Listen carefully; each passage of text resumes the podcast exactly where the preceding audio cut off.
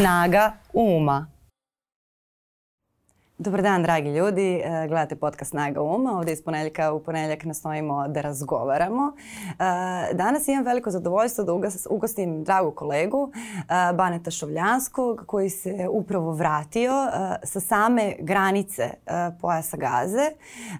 Odakle je izveštavao 12 dana i sa njim bih volila da razgovaram o ratnom izveštavanju, ali i o tome do koje mere nam se promeni percepcija i rata i stradanja i sukoba kada se nađemo zaista među tim ljudima eh, o kojima govorimo, o kojima posle čitamo i o kojima možda donosimo eh, neka politička mišljenja i o kojima posle razgovaramo. Bane, dobro mi došao i dobro se vratio. Hvala ti. Kako Hvala. si? Dobro sam. Od, odmorili smo se. Pre koliko si se vratio ti sada tačno? Pre ima 7-8 dana. Da, snimamo malo, ovaj, malo ranije. E, sada, hajde, pošto imamo tu dosta tema, ali zanima me šta su tebi sada kad se malo sve sleglo, e, šta su tebi ostali najjači, najjači utisci? Pa znaš kako najjači utisak, mislim nisam stigao da razmišljam nešto puno o tome. Ali sve to što smo, za, pa idem neki taj kratak period, 12 dana nije puno a opet nije ni malo u takvim uslovima kad si, kad si tamo, koji su onako bili intenzivni. To je ono tempo neki gde ti radiš 12 do 15 sati dnevno si na terenu, radiš, radiš ta uključenja uživo u pet televizija sam ja tamo pokrivao. Ali smo uspeli da snimimo i te priče i spavaš 4 sata, u stvari si umoran. Ti to kad se vratiš treba ti onako nekoliko dana da, da, da te pusti taj adrenalin koji, koji te tamo drži sve te dane. Ali najveći utisak mi je da ja ne vidim kraj tamo tome da će uopšte to da se smiri ikada i da će uopšte tu da bude nekog rešenja sa svim tim šta se tamo dešava u poslednjih 70-80 godina, ja ne vidim tome kraja. I to je neki utisak da to neće stati. I to je možda ono što najviše užasava, da to samo može da traje i da samo može da bude gore.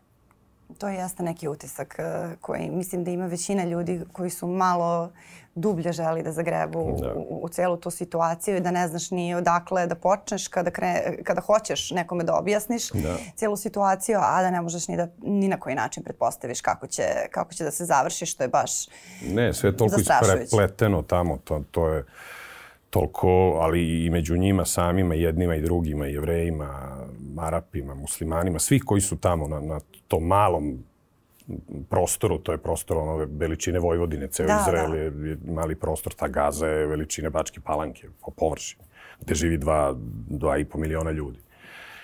I tamo, ali su razlike ogromne, ogromne su razlike kulturološke, socijalne, religijske i to je toliko, nek zovu ga bez veze i taj Jerusalim pupak sveta. Mislim, tamo je stvarno su svi tamo. A sad ti si stigao u Tel Aviv, je li tako? tako. I iz Tel Aviva si posle kasnije išao u Jerusalim, išao si po, po tim malim mestima, da. nisi ulazio u sam pojas Gaze. Zato što je to nemoguće. Uh -huh. Da. I to je ono što ljudi kao što ne idete, to je bilo komentara na, jo, na izveštavanje. To su ti genijalne pitanje. Što ne da. idete, ili pretnje koje dobiješ posle, ne znam, sa nekih anonimnih profila ti pišu na Facebooku kao je što niste ušli tamo i vi ste krivi za to što deca stradaju i takve neke stvari koje posle i te stvari ostave utisak, ali ti u gazu ne možeš da uđeš. Znači ti ne možeš nikako iz Izraela da uđeš u gazu, sve je zatvoreno. Postoji jedan granični prelaz u redovnim uslovima koji radi i taj prelaz je sada zatvoren i kontroliše ga izraelska vojska i ti ne možeš tamo da uđeš. Stigli smo najdalje, najbliže gazi što smo mogli, to je na dva kilometra. Kilometar iza nas, ja sam pogledao, mislim, videli smo u daljini onako dim koji izgleda kao magla ispred jednog brda. I onda mi je kolega Slobodan Španić snimate, rekao dođi da pogledaš ovo kroz Zuhir kamere, sam pogledao, to su tenkovi, jedno 40 tenkova koji pucaju preko tog brda na gazu i oni su samo kilometar nama iza leđa. I dotle smo stigli, dalje, dalje je nemoguće ući tamo. Tamo i sve informacije koje stižu iz Gaze su lokalni novinari koji tamo žive, koji tamo rade, koji tamo imaju porodice, koji rade za neke svetske medije, rade za CNN, za Sky, za BBC, Al Jazeera ima tamo televiziju i novinare, ali Al Jazeera je sad zabranjena u Izraelu. I ima dosta ljudi koji na svojim Instagramima, to su ti građani, ratni Tako reporteri, je. E, sada i New York Times e, izveštavao o tome do koje mere neki ljudi zaista eto, pokušavaju makar uh, da pošalju te slike koje doživljavaju da. sami u sveti. Tu zaista ima pa, neverovatnih, da, strašno. neverovatnih snimaka da se ljudi koji se bukvalno snimaju kako spasavaju svoju decu iz ruševina.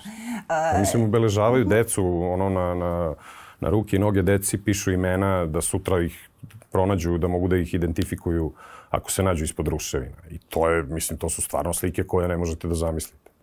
Da, I to je strašno što ti, to je sad već, evo mi sad kada ovo snimamo, tu je već preko 10.000 civila stradalo u samoj Gazi. I od toga je 70% su žene, deca i stari. E sada, tebi ovo nije, nije prvi put da izveštavaš uh, iz nekih, da kažem, turbulentnih svetskih uh, centara u tom, u tom smislu. Bio si na, gra, na granici sa Ukrajinom, uh, bio si i u Parizu kada, da, kada se dogodio, napad, da, kada da. se dogodio teroristički napad, ali ovo je ipak drugačije. Ti si baš yes. u ratnoj zoni i nikad ne znaš da li će bomba da pukne na, na pet metara od tebe. To, Jeste, i to je, i sad na tom primjeru, sad ću, mislim to da ti ispričam kako izgledalo 2015 2015. sam ja išao isto sa kolegom. Da. Slobodanom Španićem, išli smo u taj Pariz i to smo isto bili prva ekipa u sred noći je to krenulo da se dešava i onda je krenulo ajmo da se pakujemo prvi let za Pariz ujutro smo, smo išli tamo u Parizu u tom trenutku vanredno stanje. I sad slećemo tamo na Charles de Gaulle i to je izgledalo gore nego kad smo sleteli sad u Tel Aviv, tamo je bilo vojske i policije na celom aerodromu, to je, to je onako potpuno jedna slika, Pariz smo tad videli kakav nikad ne možeš da ga vidiš takvog, koji je pust, ulice su puste, svuda je vojska i policija, ali je to meni bilo, ajde da mislim, neko, ajde ne vatreno krštenja, ali situacija, na primjer, u kom koje mi čekamo neki live, sedimo u kafiću blizu reportažnih kola i negde pukne nešto, se čuje kao neka detonacija i sad ljudi ruše, guraju nogama stolove, ruše i kreću da ležu ispod tih stolova, a snimatelj uzima kameru i strčava napolje, ja idem za njim, ali ja u tom trenutku na vratima, ja idem od te detonacije, krećem na jednu stranu, on ide ka detonaciji, ide tamo gde se nešto desilo i to je prva stvar koju sam, na primjer, od njega naučio kad mi je rekao, ti ja se ne razdvajamo u ovoj situaciji nikada i naš posao je da idemo tamo gde se nešto desilo, da budemo tamo, da to snimimo. I od tad se evo nismo posle, posle toga razdvajali. Da bismo sad došli u situaciju posle te Ukrajine, tamo smo u stvari najviše izveštavali o toj izbjegličkoj krizi, o tim to hiljade i hiljade ljudi, milioni su sada koji su otišli iz Ukrajine. I ušli smo i u Ukrajinu i tamo smo isto to prošli sa ukrajinskom vojskom, tu proceduru kad te oni puste i kako je to tamo izgledalo, možemo o tome nešto posle. I sada smo onda došli u situaciju da kad smo bili na taj dva kilometra od same Gaze, uh, da na nekih, ne znam, ajde 50-100 metara i iza, e, iza Španića kreće poleće raketa izraelske protivvazdušne odbrane. Ali ja sad ne idemo nigde, ne trčimo, nego ja tražim telefon po džepovima da to snimim, on okreće kameru da to snimi. I tek kad vojnici izraelski oko nas počinju da viču ran, ran, i trče u taj betonski zaklon i mi onda tek za njima, kad smo videli da i oni trče, onda kao ajde možda je stvarno ozbiljno, ajde trčimo i mi, pre toga razmišljaš i to ti se promeni kad, kad radiš u svesti ti se promeni kako reaguješ, na primjer, na te situacije, sad više nema onog nekog cimanja od detonacije, to nego gledaš gde da bi, da bi nešto uhvatio da snimiš, što je možda onako malo, malo, malo strašno u nekom, kad razumski razmišljaš o tome, ali je, to su ti uslovi kad navikneš na takve stvari. Da, promeniti se u stvari refleks. Tako je, da, promeniti se refleks. I to se nepovratno promeni. Čini da. mi se da kod svih ljudi koji su, ko, koji su radili ratno izveštavanje, kad su ga radili dobro, to se prosto razvije. Samo što naravno, opet, različite redakcije imaju različite infrastrukture. E, ti uvek Absolut. moraš da imaš neku vrstu komunikacije s vojskom kako bi imao kakvu takvu zaštitu. Naravno, kad dođeš, da. da. A, ali, e, da li te posle stigne? Pa, mi, znaš kako, stignete, stignete, ali mislim da opet prevlada taj kao ponovo bih išao tamo. Da, da. Ponovo bih išao tamo, ali to nije gotovo i tamo ima još mnogo priča i tamo ima još mnogo ljudi čije priče treba da se čuju. Znaš, sad evo razmišljamo, vratili smo se, prošlo je sedam dana, jedna grupa novinara, CNN i ne znam koje još svetske kuće su ušle u gazu sa izraelskom vojskom i onda su im Izraelci postavili uslov da moraju da pregledaju sam materijal koji tamo snime, nekim oklopnim transporterom su ih tamo uveli bukvalno na prvu liniju gde pucaju iz pušaka jedni na druge. Vratili ih nazad, posle toga pregledali sam materijal i CNN je to objasnio publici i pristali smo na te njihove uslove da bi vam pokazali kako to izgleda tamo na, na prvoj liniji fronta. I onda razmišljaš kao pa čekaj, treba da idemo i da vide i naša publika to. Znači, tako da stignete, ali te brzo stigne i to da, da, da bi mogu ponovo. Pa da, ja mislim da, da većina, većina kolega koji su pratili tvoje uključenja, koliko god da svi znamo da ti apsolutno nisi bezbedan tamo dok, dok da. izveštavaš, iako si naj, najbezbedniji što možeš da budeš, da. da smo ti svi malo zavideli, što isto malo nije normalno, ali da, da svi smo bili, o, imali, imali taj moment da, da. da jeste ta, da ništa ne može da se poredi. Da je to vrhunac novinarskog posla, kada, kada dobro radiš ratno izveštavanje, da ne može da se poredi ni sa čim. Pa da, ali ostavi, znaš, to neke, mislim, oštetite u nekom smislu. Možeš ti, mislim, sada evo vrtim film kroz glavu, odeš tamo kad su nas odveli, to je već možda nama drugi ili treći dan kad smo tamo stigli, smo ušli u taj kibuc jedan Beri koji im je postao simbol svega toga što im se tamo desilo, pošto je tamo 108 ljudi je ubijeno, od, od 1100 koliko je bilo ukupno koje je živelo tamo, to je svaki deseti je ubijen stanovnik i, i postoji ime simbole su oni uspeli nešto da, da koliko god su mogli to satima odugovlače dok se vojska nije pojavila, ali tamo onda uđeš u te kuće i onda vidiš te scene krvave, podove, zidove i to je sad, na primjer, 11. 12. dan od kako se to desilo 7. oktobra kad smo mi tamo ušli, to su kuće koje stoje tamo usred pustinje na, na, na 35 stepeni i onda osetiš taj miris krvi. Ja znam da sam se ja okrenuo i pitao snimatelja, je li to krv što osetimo?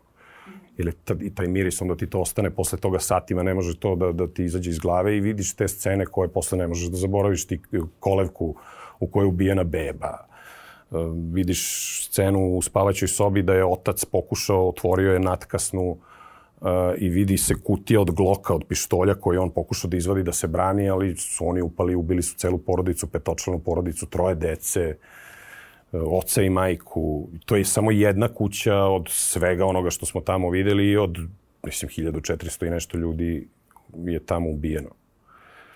I to su te scene koje, koje ti ostanu urezane u pamćenju.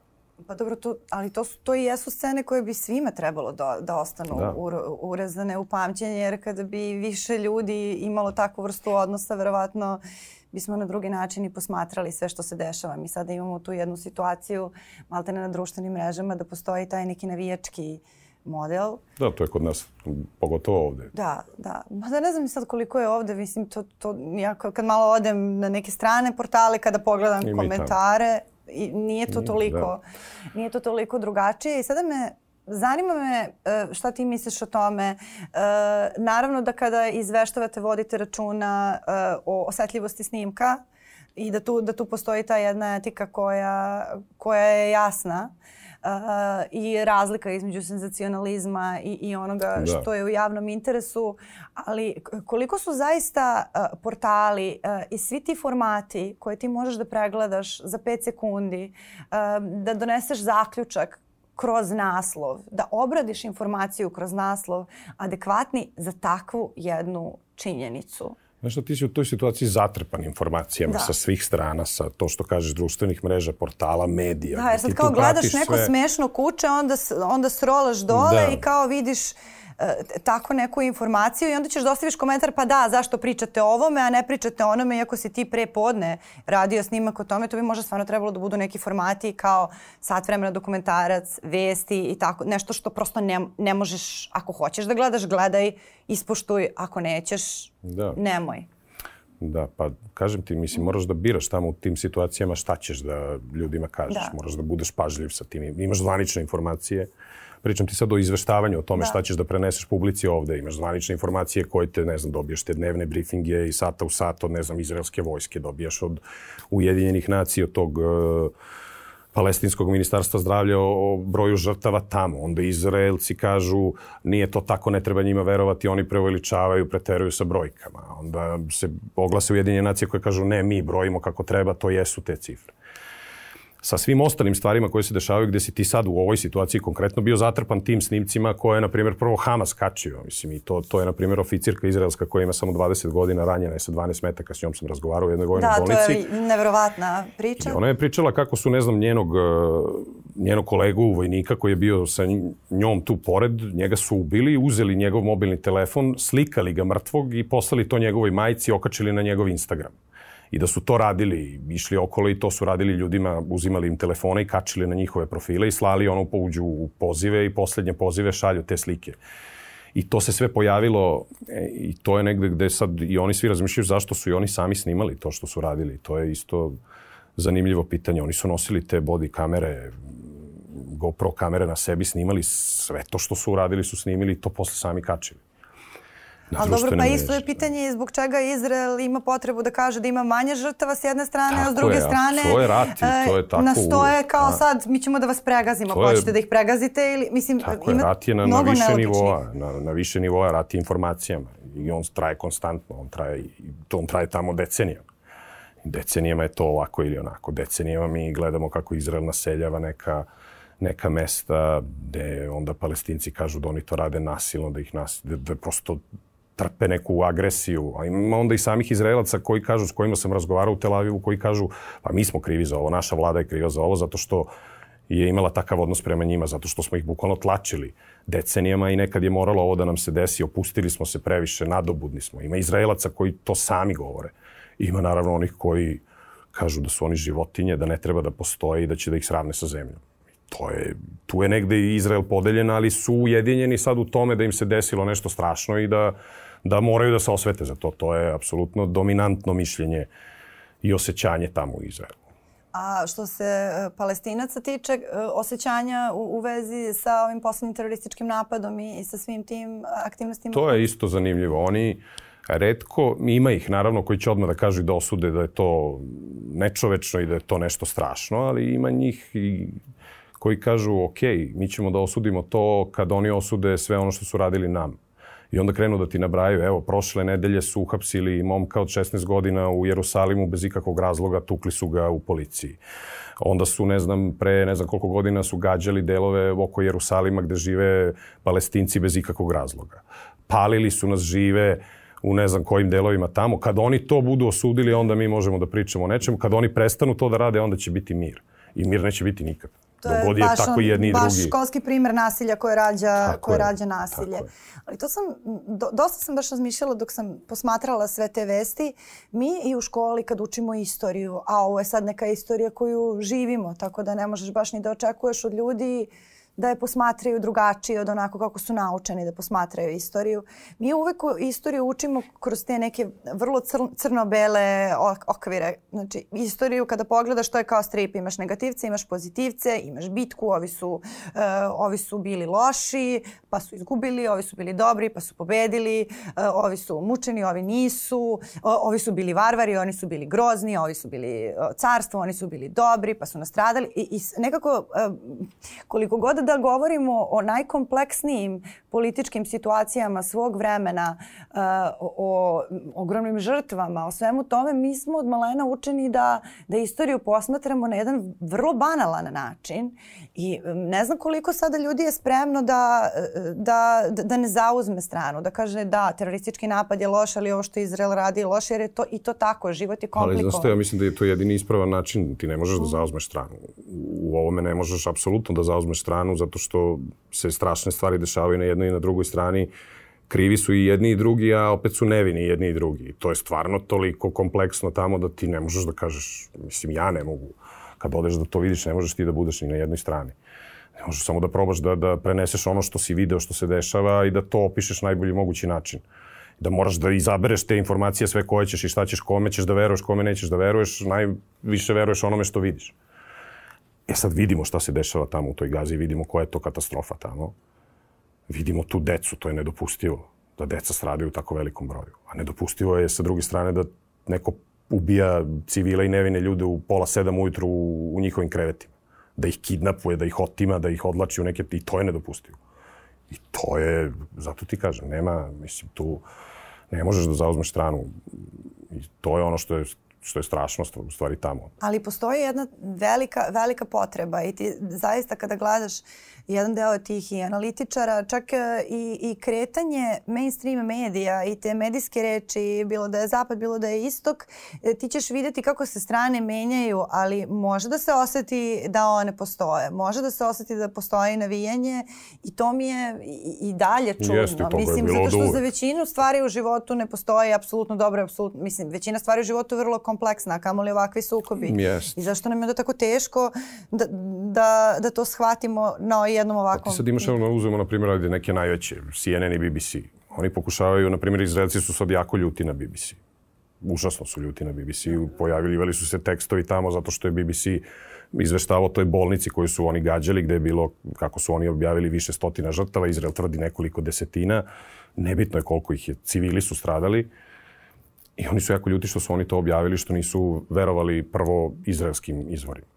Sa druge strane, CNN koji je, jeste američka televizija, znamo koliko Amerika podržava taj Izrael, ali ti imaš na CNN-u stalno i, i podatke o, i oni pokušavaju u programu da imaju ljude i palestince iz Gaze i da, da i, i pokazuju i te snimke. I sad je to sve politika, negde sad oni prate, pričam ti sad o tim mainstream medijima, oni prate negde tu politiku, mislim, svoje vlade na kraju krajeva. Sad oni pokušavaju da obuzdaju Izrael, pokušavali su da odlože kopnenu invaziju, traže to neko primirje, humanitarno primirje da bi tamo ušla pomoć, da bi se ti civili spasili.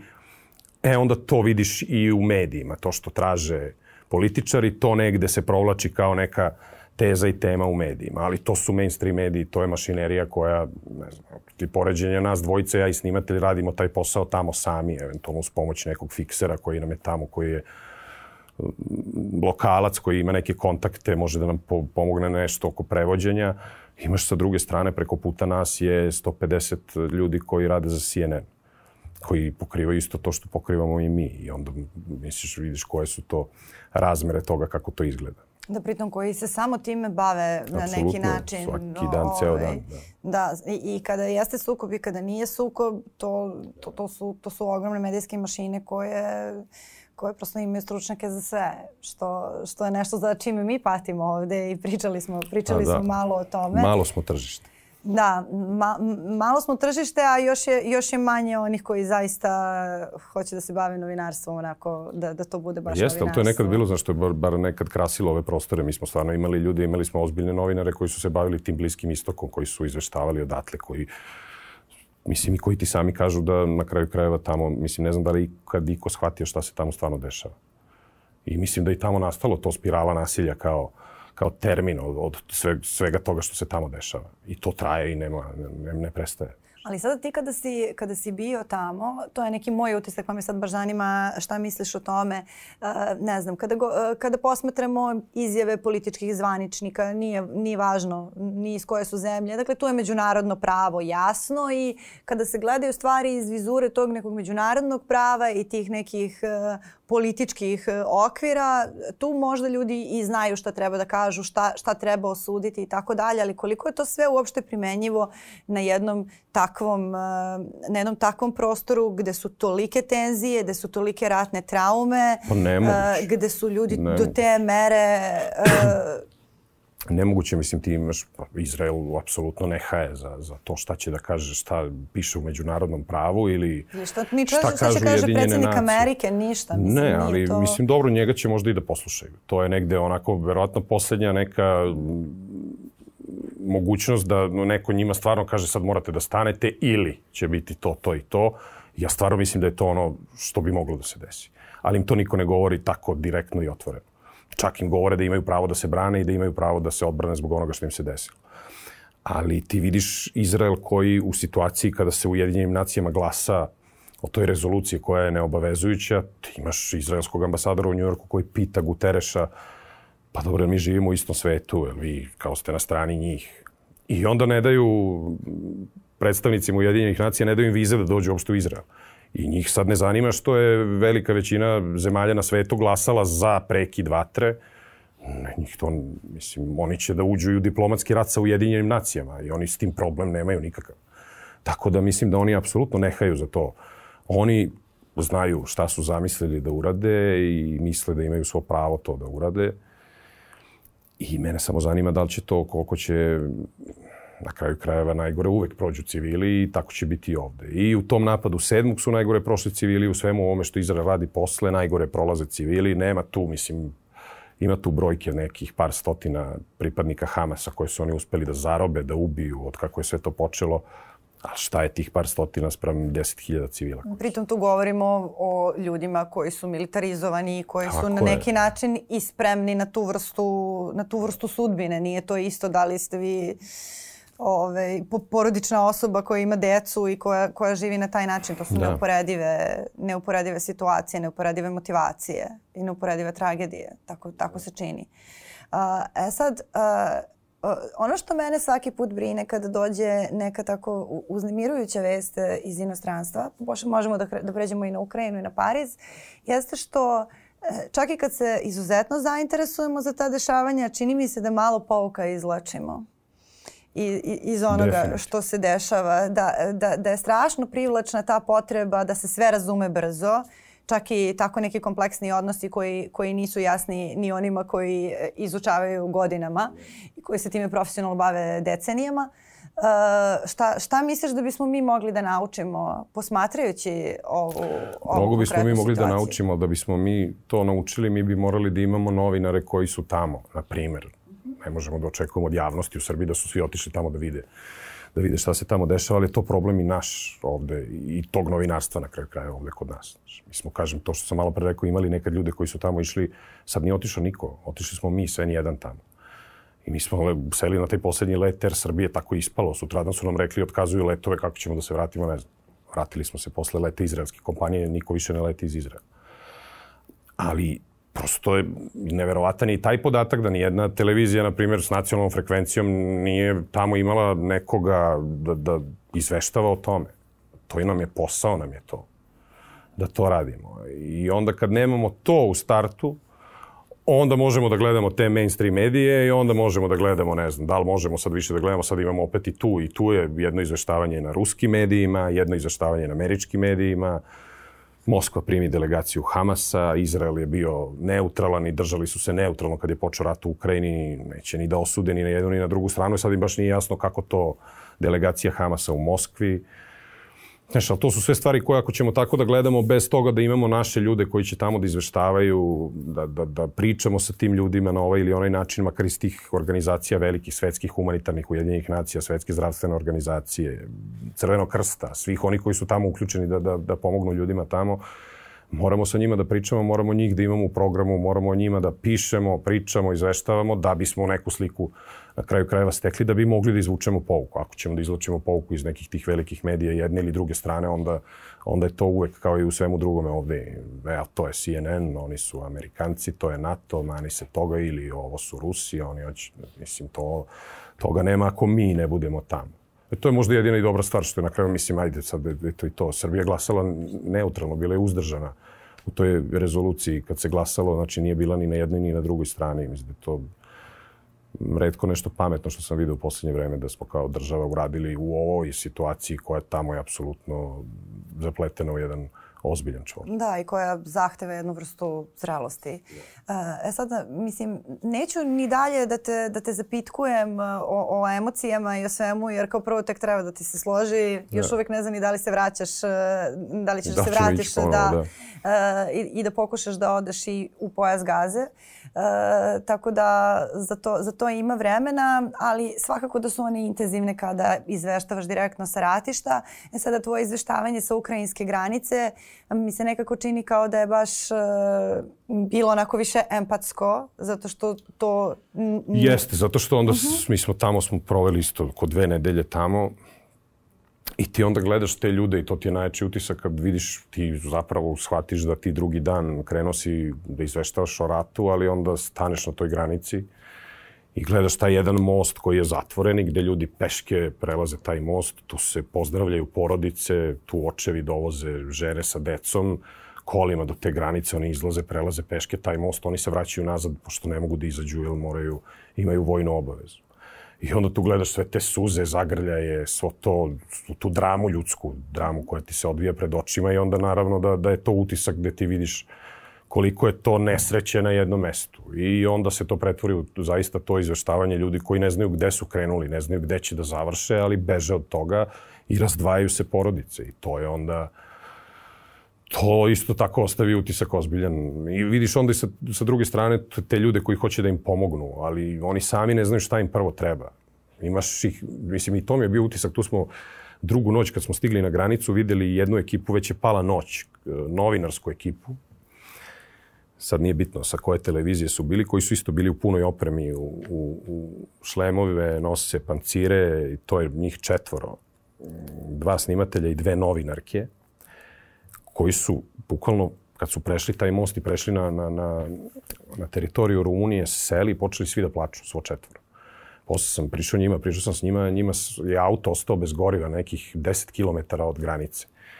U nekom haosu koji su videli tamo mrtve vojnike, civile od, nekog, od nekih bombi koje je Rusija gađala neki deo neki deo tamo blizu i oni su peške bez automobila Čekaj, to je prošli granica... na Rumunije i Ukrajine. Da, da. Rumunija i Ukrajina su oni bili malo, oni su bili tamo gde, gde je bilo gde je bilo borbi i onda su morali peške da prođu kroz sve to, kroz sva ta tela koje su prošli i kad su došli, bukvalno su počeli svi da plaču. Samo su seli tu gde su mogli da sednu, gde su znali da su sada na bezbednom i počeli da plaču zbog onoga što su videli. Nisu mogli ni da opišu sve šta su videli. Posle smo pričali s njima, posle toga kad su se i oni smirili. I takve stvari vidiš tamo, znaš, i to je, jeste, to, to te onako pomeri. A koliko to uh, okine stvari koje smo doživjeli na ovim prostorima, jer mi smo tu negde slična generacija, bili smo uh, mladi, da. nismo još uvijek bili novinari u periodu kad smo imali bombardovanje, a da ne govorimo o kolonama. Ali imaš to negde urezano u seću. Ali ti je deo, to ti je deo, deo života i kako sada kad ti gledaš te kolone koje se vraćaju iz Ukrajine, a onda i s druge strane uh, način na koji se ljudi ponašaju na granici prema njima, Uh, kako, ka, kako tu, ovaj, kako to obrađuješ? Jer to pretpostavljam da nije isto za ljude koji su iz Srbije i za ljude koji su iz neke Pa nije, Holandije. da, imaš ti to neko predznanje o tome. Mm. Ali, mislim, tu isključiš sve drugo, moraš samo njih da slušaš, moraš sa njima da pričaš. Bilo je tu i drugih situacija sam, ne znam, ja sam snimao jednog momka koji je čekao devojku sa, no, u, u, sa ove rumunske strane je čekao devojku da pobegne koja četiri dana pokušava nekako da se izvuče iz Ukrajine. I onda smo njega snimali, snimali taj, taj susret sa, sa njom koji isto bio, isto bio dosta dirljiv. On, on je nosio dvogled i gledao bukvalno preko tog mosta kad će da je vidi. A, ali ovo što si me pitala je, mislim, ne znam, tu od tih suza i njihovih rečenica ti se isključiš, slušaš samo njihovu priču. Jednostavno moraš da budeš čovek u toj situaciji. I tu nema nikakve strane politike, ti slušaš njih kao čovek i onda je tvoj posao da preneseš ono što si zabeležio prvo kao čovek, a onda kao novina. Dobro, da, i tu u stvari nema tebe. Pa nema tebe tu. Da, da. to je... Tu, tu, tu te nema, tu se isključiš i, i, i u stvari prenosiš njihovu priču. Da, to, to je jasno. A, ove, ovaj, sada... A ovo što si me pitala, da, isto, izvini, i taj, mislim, i to bombardovanje 99. i ta agresija ovde i sve ono što smo ovde proživjeli, Mislim, prvo kad smo sleteli u Tel Aviv sada su se oglasile sirene i onda smo, rekli su nam na aerodromu još imate kad ste u Tel Avivu 60 sekundi da se sklonite. Kad se oglase sirene i to drugačije funkcioniše, to nam je trebalo malo vremena da shvatimo, pošto smo navikli ovde, ono, znamo sirene, pa se onda oglasi ona sirena ravna za, za prekid vazdušne opasnosti. Ovde kad se oglasi sirena, znači da raketa već leti ka Izraelu, negde, tu gde si ti, ako se čuje sirena, leti ka tom mestu, negde, nekom delu Tel Aviva i oni su već tu raketu snimili u vazduhu, ti imaš 60 sekundi da se skloniš. I niko ti posle toga ne govori da je to prošlo. Znači, kad prođeš 60 sekundi, ako se ništa nije desilo, možeš da ideš napolje. I sad dobili smo i mapu celog Izraela, što je bliže pojasu gaze, to je manje vreme za koje imaš da se skloniš. Na tom mestu gde smo bili 2 km, to je 15 sekundi. Znači, to je bukvalno kako raketa poleti, oni gađaju, ako je pogode, ako je ne pogode, neki deo može da padne i to je ono što je u stvari najopasnije. Oni puno toga obaraju tamo. Može deo neki da padne na zgradu, na kuću, to se i dešavalo i u samom Tel Avivu, da oni obore raketu ili da deo rakete padne u, u obdanište dečije ali se strogo drže nivo, toga. Taj nivo, da kažem, uh, organizacije uh, koji nije od juče, koji nije od kad je krenuo konflikt, da ne, ti zaista možeš žive, da, da mobilišeš ljude za uh, desetak, 15 sekundi za, da. ili za minut. To je u Srbiji. Da. su. Da. Mislim, kod nas nije bilo čak ni, ni to. Nama je kretala sirena u trenutku kada neprijateljski avioni uđu u naš vazdušni prostor. Tako je. To znači da su oni sad na možda ono, granica sa Bugarskom i ti ni ne znaš da li će oni uopšte da dođu, da, da li će dođu do Beograda, a kamoli do, do tvog. Da, je, nego da. to i kada izađu onda je sirena kraj. To je baš u skladu da. možda sa nekim našim mentalitetom. Ali, ali to, je, to jeste bio neki model. I zaista deluje nezamislivo kada ti pomisliš da ti to imaš, dakle ne samo uh, te vojno sposobne stanovnike, da su i žene i muškarci u redu, za njih mo oni mogu da se mobilišu verovatno vrlo brzo. I oni su, to je nevjerovatno, to je meni bio utisak. Ali da ti mobilišiš vrtić za, za to je Svi baš su deluje. za 60 sekundi u skloništu. I niko nije povređeno te dece iako je pao, da, zato što da, su ih sve spustili dole. I oni znaju to uče od malih nogu ali to tako izgleda ti, to o čemu pričaš, ti se šetaš ulicama Tel Aviva, vidiš momka i devojku koji se drže za ruke, on je u japankama, u majici i šorcu nosi automatsku pušku na ramenu. Ili nose devojke neke automatsku pušku. Konobar nosi pištolj za pojasom kad ti donosi kafu. I onda sam ih pitao za te automatske puške, mi nije bilo jasno. Ti imaš goste, u jednom trenutku se u hotelu gde smo mi bili su se pojavili ljudi koji nose puške, koji su apsolutno civilu, nisu u uniformi. Svi vojno aktivni ljudi, znači muškarci i žene koji su tamo, moraju 24 sata da budu sa svojom puškom, ne mogu da ostaje pušku kod kuće. Znači, ako izađu na ulicu, otišli su na vikend slobodan, idu u prodavnicu, idu da bace smeće, nose automatsku pušku sa sobom. I to je to što smo videli, što mi prvih par dana nije bilo jasno šta rade tako obučeni sa, sa oružjem.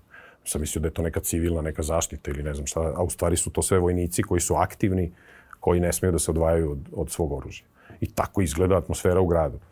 A, a i to deluje tamo normalno. Molim, ima je to potpuno normalno. A jesi osetio strah? Ne. Među sada... ljudima. Meni sad isto dok, dok pričaš deluje kao da su oni do te mere od malena, da kažem, yes. vaspitavani i pripremani, kao da je mnogo veći strah verovatno bio na ulicama Pariza. Jest. Uh, ili čak kad si izvištavao sa poplava, yes. to je verovatno, ali to je jedna druga, yes. druga vrsta beznađa i, i, i preneraženosti. Uh, nisi osetio strah recimo u Tel Avivu? Ili... Ne. I ti kad sa njima pričaš ti vidiš Mislim, nisam osetio strah, to je meni bilo, to mi je ostavilo onako jak utisak. Ta devojka koja ima 20 godina, koja je oficirka, koja je 10 metaka je bila u telu, dva su prošla kroz nju. I ja razgovaram sa njom, ona je u kolicima, meci su je pogodili u obe noge, u desnu ruku koju ne može da pomera, ali ono, osnovno što ona priča jeste ja ću prohodati, ja ću se vratiti u vojsku i ja ću se osvetiti za ovo što se desilo. Bez ikakve emocije na licu, bez ikakve suze na licu zbog toga što je njenih sedam kolega poginulo. Ne, ona zna da je sada njena misija da se vrati tamo i da ispravi ono što se desilo. E, tako, su, tako je većina njih i na ulici sa kojima razgovara. Postoje ljudi koji Zato su dolazili... Zato se to i neće tako brzo završiti. Postoje ljudi koji dolaze ta druga priča, ali mislim da, da su u manjini koji su palili te sveće, ostavljali cveće, igračke na tim trgovima po Tel Avivu, te porodice otetih koje, tu vidiš očaj ljudi koji ne znaju gde su im deca, braća, sestra, komšije, rođaci. I tu vidiš taj neki bes, gde su oni besni na državu koja je dozvolila da se tako nešto desi. I gde oni kažu, mislili smo da smo bezbedni, a u stvari smo sad shvatili da se sve srušilo za nekoliko sati.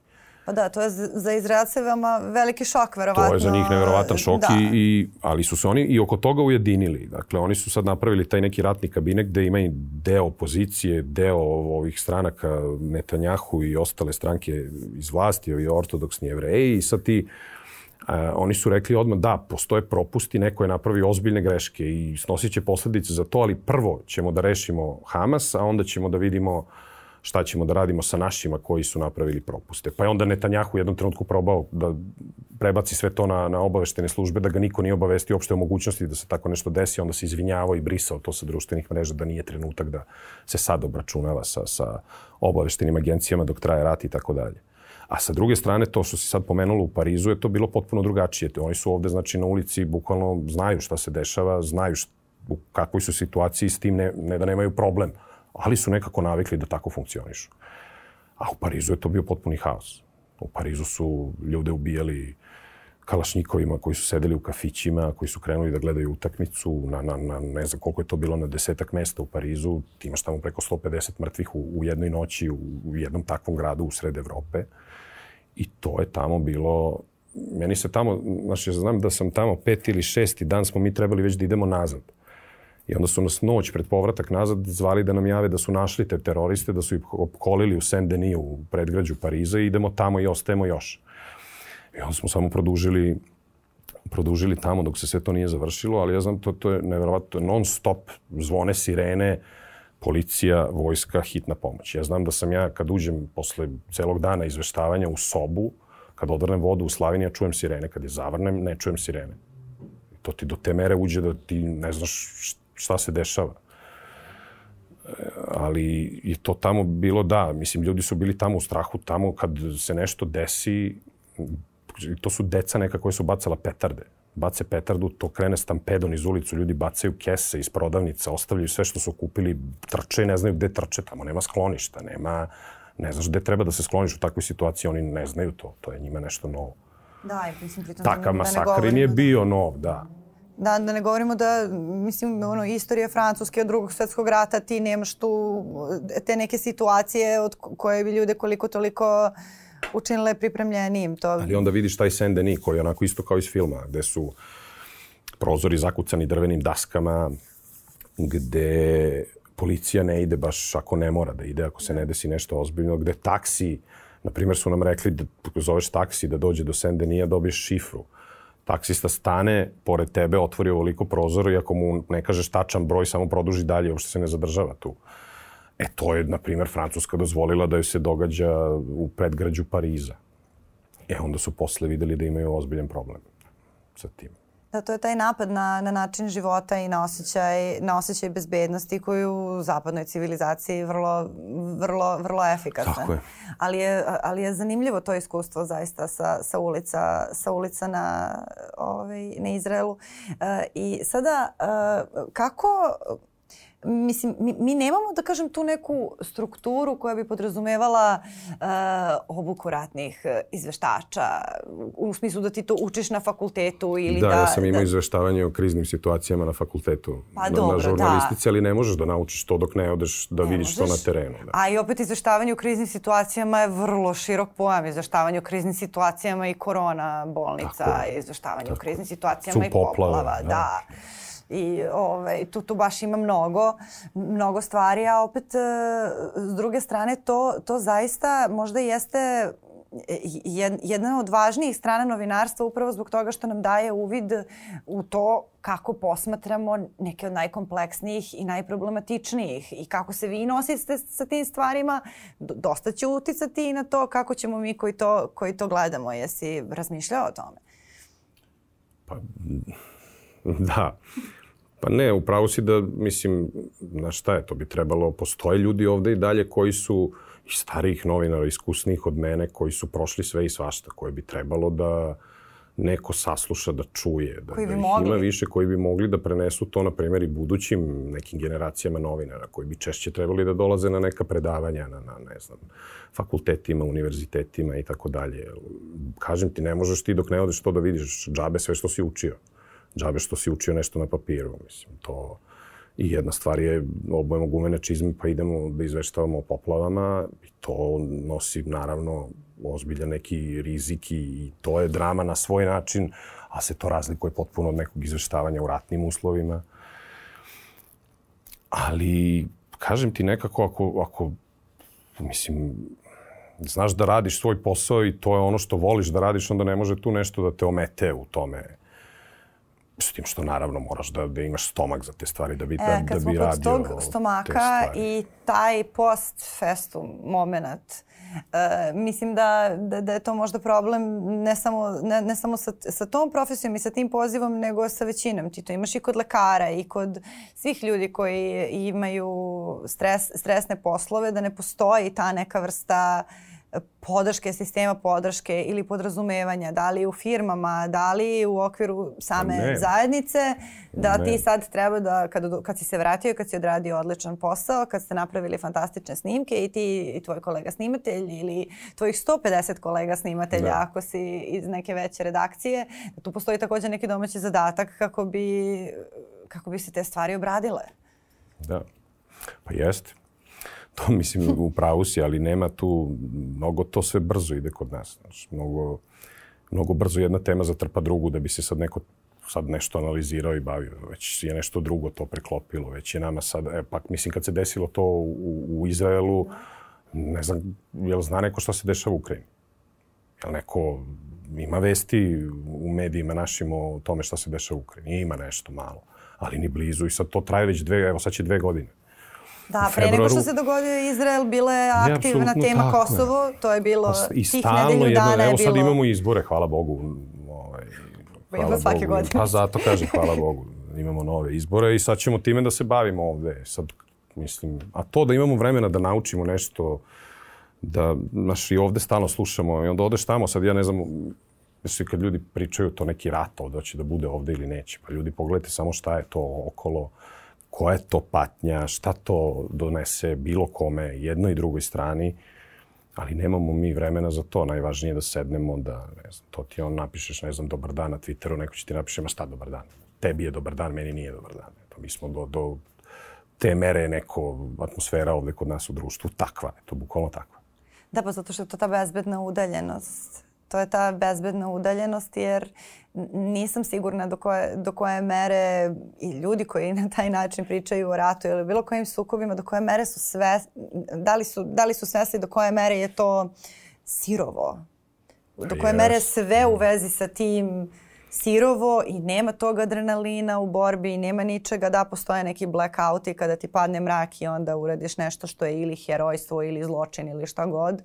Mislim, to znamo jer smo pričali sa ljudima koji su, koji su bili u ratu, ali do koje, do koje mere to u stvari krv, meso, bol, kosti, da. tvoje, tvojih kraja. prijatelja i, i to je Jest. to. Jeste. Ove, Ima strašan i... znaš, i taj osjećaj kad ti odeš tamo, na primjer, ideš tamo, znaš da je tamo u Gazi 20, preko 20 novinara poginulo.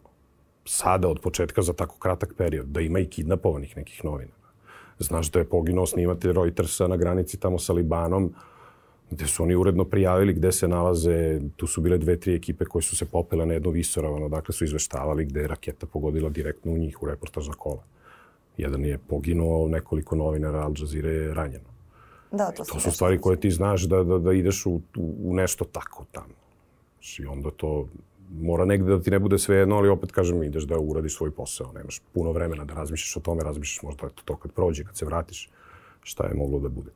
A koliko je to vezano sa, sa tom nekom i, i navikom i verovatno i ličnim principom koji jeste u stvari novinarski i neokretanja glave na, na drugu stranu? Jer e, i kada pitaju ljudi to, pa dobro da, zašto ideš da rizikuješ? Mislim, ja ako ne, ne odeš ja da rizikuješ... Ja sam odgovorio zato što mi je to posao. Pa da, ali da, to, je pre, to je previše simplifikovano. Pa Mislim, pa jeste, ali, da, ali, ali tako jeste. Ali tako, ali tako jeste. Mislim, dobro, ti možeš, ti biraš svoj posao Naravno. s druge strane, ali činjenica je da tamo to nasilje i ta patnja i sva ta dešavanja neće prestati ukoliko ti tamo ne odeš, samo što neće biti niko da to snimi i da, da, se, da se to pa zato čuje kažem da je to važno da to postoji. To je taj neki ugao. Da, i to je važno i da se te, i to se sad opet vraćamo na to neko neku edukaciju toga šta bi trebalo ovde da se dešava i o tome da se priča i da, da budu prosto ljudi spremni da, da mogu da odu tamo da rade. Jer to, to mora da se neguje generacijama. To ne možeš ti preko noći od nekoga da napraviš nešto i da očekuješ od njega da će to da uradi. Mora i to je, to je strašno važno i mene baš iskreno brine jer mi sad imamo tu jednu generaciju, da kažem, novinara koji se savaju u tim korporativnim medijskim uslovima koji su drugačiji mnogo od uslova da. u kojima ne znam, naša generacija da. stasavala, da ne govorimo o, o, o generacijama pre, pre naše i to su ljudi koji maltene ne idu na teren nikada treba da odu da urade intervju. A kamoli da, da zaista uh, imaju taj osjećaj da razmišljaju o tome kako bi mogli da odu u neku drugu zemlju na nešto što nije panel ili da. uh, neka ono medijska konferencija. I, to, I to jeste za, važno i zato mislim sam htela i da ti se zahvalim što si došao. Hvala je, jer mislim da jeste, da jeste važno, da, važno da o ome pričamo. I uh, za kraj, sada kako privodimo kraju, moram da te pitam E, ti kad e, izveštavaš, e, isključiš sebe, to je ono što, što smo rekli, mislim to je neka praksa koju radiš inače, verovatno, i to je taj novinarski princip kada imaš neku veoma osetljivu priču, moraš da isključiš da. sebe, da ne bi da. bio novinar koji plače pred gostom ili, mislim, ili ovaj, da bi zadržao tu objektivnost, ali da li ti je empatija pojačana posle svega što si doživeo na raznom mestu? Ne možeš da ostaneš ti imun na, na, na, na ljudski bol, na, na ljudsku patnju nikada. I kažem ti, posle svega toga razmišljaš o svemu tome, pa onda vrtiš slike šta si sve video, šta si sve čuo od ljudi s kojima si razgovarao i razmišljaš naravno o tome šta te sve okružuje, šta je u stvari sve moguće da se desi. Ti, ta, ti u tom trenutku se isključiš, ali te to stigne nekad. I mora da te stigne, ne možeš ti od toga da pobegneš nikada. Ne možeš da budeš mašina. Pre ili kasnije stignu sve nas neke emocije. Mnogo ti hvala, hvala na, tebi. na razgovor. Hvala, hvala i vama, to smo i sledećeg ponedjeljka na Nova RS.